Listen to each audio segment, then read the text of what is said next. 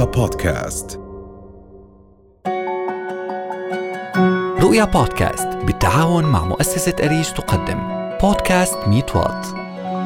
قصص جديدة لواقع حقيقي.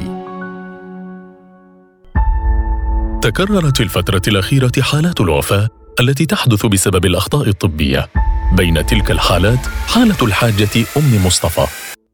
الجراح كان يرهب الحجة إنه أنا يا أمي بدي أعمل لك العملية هاي بطريقة المنظار لحتى ما تعجزي حتى أولادك ما يخدموك أنا بدي إياك أنت تخدمي نفسك. والحجة طبعا قالت له يعني اللي أنت بتشوفه مناسب أنا زي والدتك لكنها توفيت بعد أيام معدودة من إجراء العملية. ومن ثم قام أبناؤها برفع قضية على الطبيب الجراح.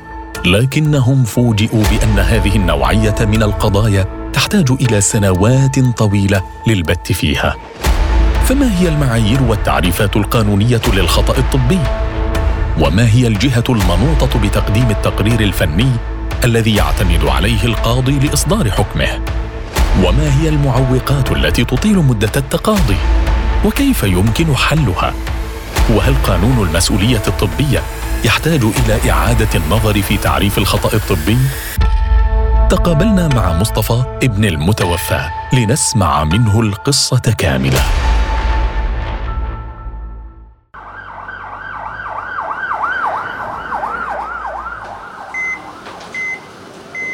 الوالدة يعني بشكل مفاجئ صار عندها ألم آه، في بطنها. فتوجهنا أنا وأخوي لمستشفى الخاص. اجى الطبيب جراح قال الحجة عندها ثقب في القولون. وخوفنا من العملية الجراحية خلينا نحكي فتح البطن. كان يرهب الحجة إنه أنا يا أمي بدي أعمل لك العملية هاي بطريقة المنظار لحتى ما تعجزي. والحجة طبعا قالت له يعني آه، اللي أنت بتشوفه مناسب أنا زي والدتك. طبيب التخدير شاف الوالدة الوالدة كان عمرها 71 سنة.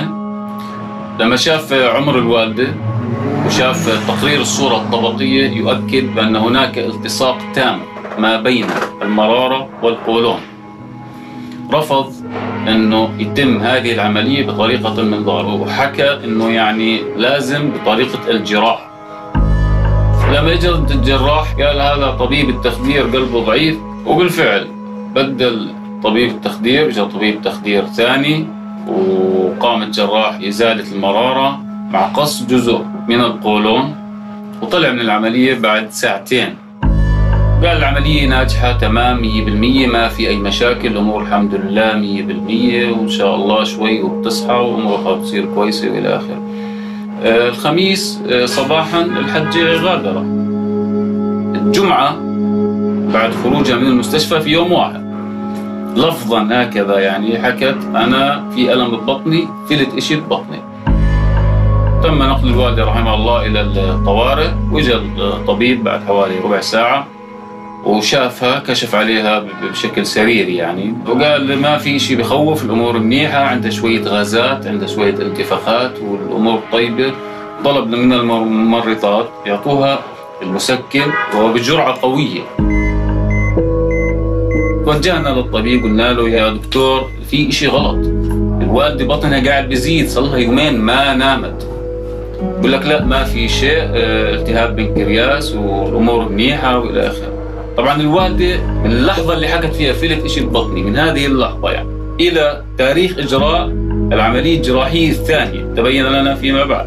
كانت فاتحة مكان العملية في القولون فاتح كامل. وهذا الانتفاخ كان عبارة عن تجمع للبراز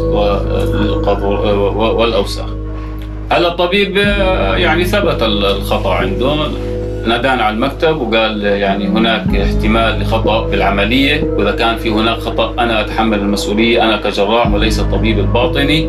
هذا الحكي بعد ثلاث أيام جمعة وسبت واحد. صبر الطبيب على المريضه الوالده رحمها الله. من الجمعة وهي شكت إنه هناك انتفاخ بالبطن في شيء في التب بطنها من الجمعة إلى الأحد كل قتلها. سمح للتسمم ينتشر للمرحلة التي أدت إلى الوفاة وهي بالنهاية أقدار ولكن قدرها كان على إيده. رفعنا قضية عند الادعاء العام يعني الآن يقررون إذا كان هناك هذا الخطأ طبي أم مضاعفات عملية.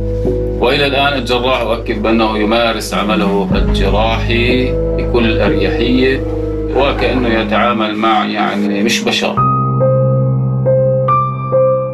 بعد فوات الأوان قام الطبيب بالفحص واعترف بحدوث خطأ في تنفيذ العملية الجراحية. في نهاية الأمر توفيت الحاجة أم مصطفى وقام أهلها برفع قضية ليثور السؤال القانوني. ما هو تعريف الخطأ الطبي وفقا للقانون الأردني؟ ذهبنا إلى السيد أنس جوهر المحامي وتوجهنا إليه بهذا السؤال. انتقادات آه، لقانون المسؤولية الطبية والصحية وهي انتقاد قانوني بحت.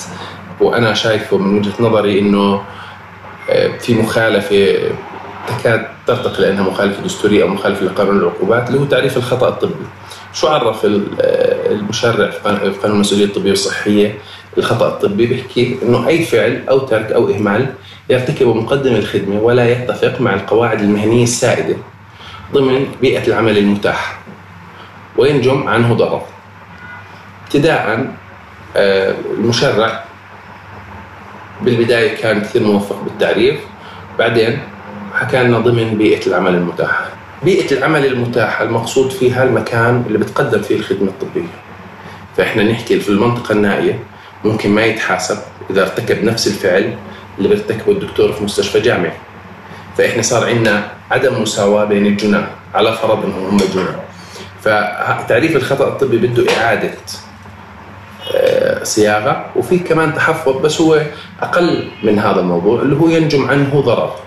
يعني ربط وجود الخطأ الطبي وجود الضرر بالمجمل قانون المسؤولية الطبية الصحية فيه ثغرات ثغرات فظيعة خلينا نحكي ثغرات آه، بحاجة لتدخل طارئ من المشرع لتعديلها بحيث إنه يكون هذا القانون قابل للتفعيل بشكل 100% يعني ما إلا إذا كان في إحصائيات معمولة أنا ما اطلعت عليها. يرى السيد أنس جوهر أن قانون المسؤولية الطبية بحاجة إلى إعادة تدخل من المشرع لوجود ثغرات قانونية وفنية في تعريف الخطأ الطبي. وذلك بحكم خبرته السابقة في القطاع الطبي كفني تخدير. لكن ومع تلك الثغرات سألناه ما هي الجهة المنوطة بتقدير نوع الخطأ المرتكب؟ وهل لديها الخبرة الكافية لتوصيفه حتى تسهل على القاضي إصدار الحكم؟ وجود هاي اللجنة الفنية آه، كفكرة عامة هي فكرة جيدة لكن ك لو بنمحص فيها من ناحية قانونية فبنلاقي فيها شوية مشاكل تشريعية وتضارب بينها وبين قوانين أخرى. وأهمها إنه الخبرة الفنية الطبيه يجب أن تجرب بواسطة المحكمة وبمعرفة ودراية المحكمة وذلك لأسباب كثير من ضمنها حيادية الخبراء والخصوم. يعني النقطة هاي آه، ونقطة ثانية اللي هو حلفان اليمين. القوانين الأردنية تحتم أنه على الخبير حلف اليمين قبل الشروع بالخبرة لبيان حياديته أنه يبذل فيها كل الجهد. بحسب السيد جوهر توجد بعض المشاكل في تكوين اللجنة الفنية مما يوضح حياديتها فتقابلنا مع الدكتور مؤمن الحديدي. العضو السابق في اللجنة الفنية المنوطة برفع التقارير التي تحدد هل ارتكب خطأ طبي أم لا. لنسأله عن تلك اللجنة ورأيه في طريقة تكوينها وأسلوب عملها. بحكم خبرته السابقة بالعمل بتلك اللجنة ولماذا استقال من هذا العمل؟ اللجنة الفنية العليا هاي مكونة من خمس أطباء من مختلف التخصصات وفيها أيضا ممرضة واثنين من أطباء الأسنان وفيها أيضا آه، مستشار قانوني وفيها مندوب للأجهزة آه، للمختبرات.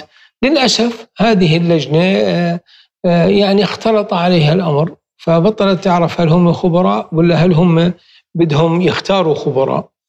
فلذلك أنا شعرت أنه هذا الاضطراب وطالبت عدة مرات بتوضيح الأدوار وتكون مكتوبة وصدور تعليمات توضح كيفية إدارة الزمن وكيفية إدارة المدد و آه، أيضا كيفية وضع المكافآت للخبراء هذا كلياته ما ما تمش.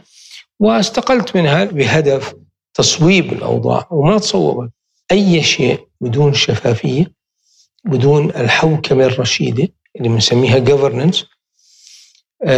ما بنعرف وين أغلاطنا أعتقد إنه راح يجي الوقت المناسب وكل واحد يحس إنه هذه رسالة وليست وظيفة وبالتالي نحن لا نتعامل بوظائف نأخذ منها راتب وإنما نتعامل برسالة تهدف إلى تحقيق العدل في مجتمعنا. استقال الدكتور الحديدي من اللجنة عندما شعر أنها تحولت إلى وظيفة للحصول على الراتب وليست رسالة تهدف إلى تحقيق العدالة. لتبقى مشاكل الأخطاء الطبية قائمة دون تقديم حلول ترفع مستوى الخدمة الطبية وتعفي المجتمع من التعرض للمآسي. ودون حدوث تدخل تشريعي يراعي كل الأبعاد القانونية والفنية ويضع النقاط التائهة فوق حروفها الصحيحة حتى نصل إلى العدالة الناجزة. فالعدالة البطيئة أشد أنواع الظلم.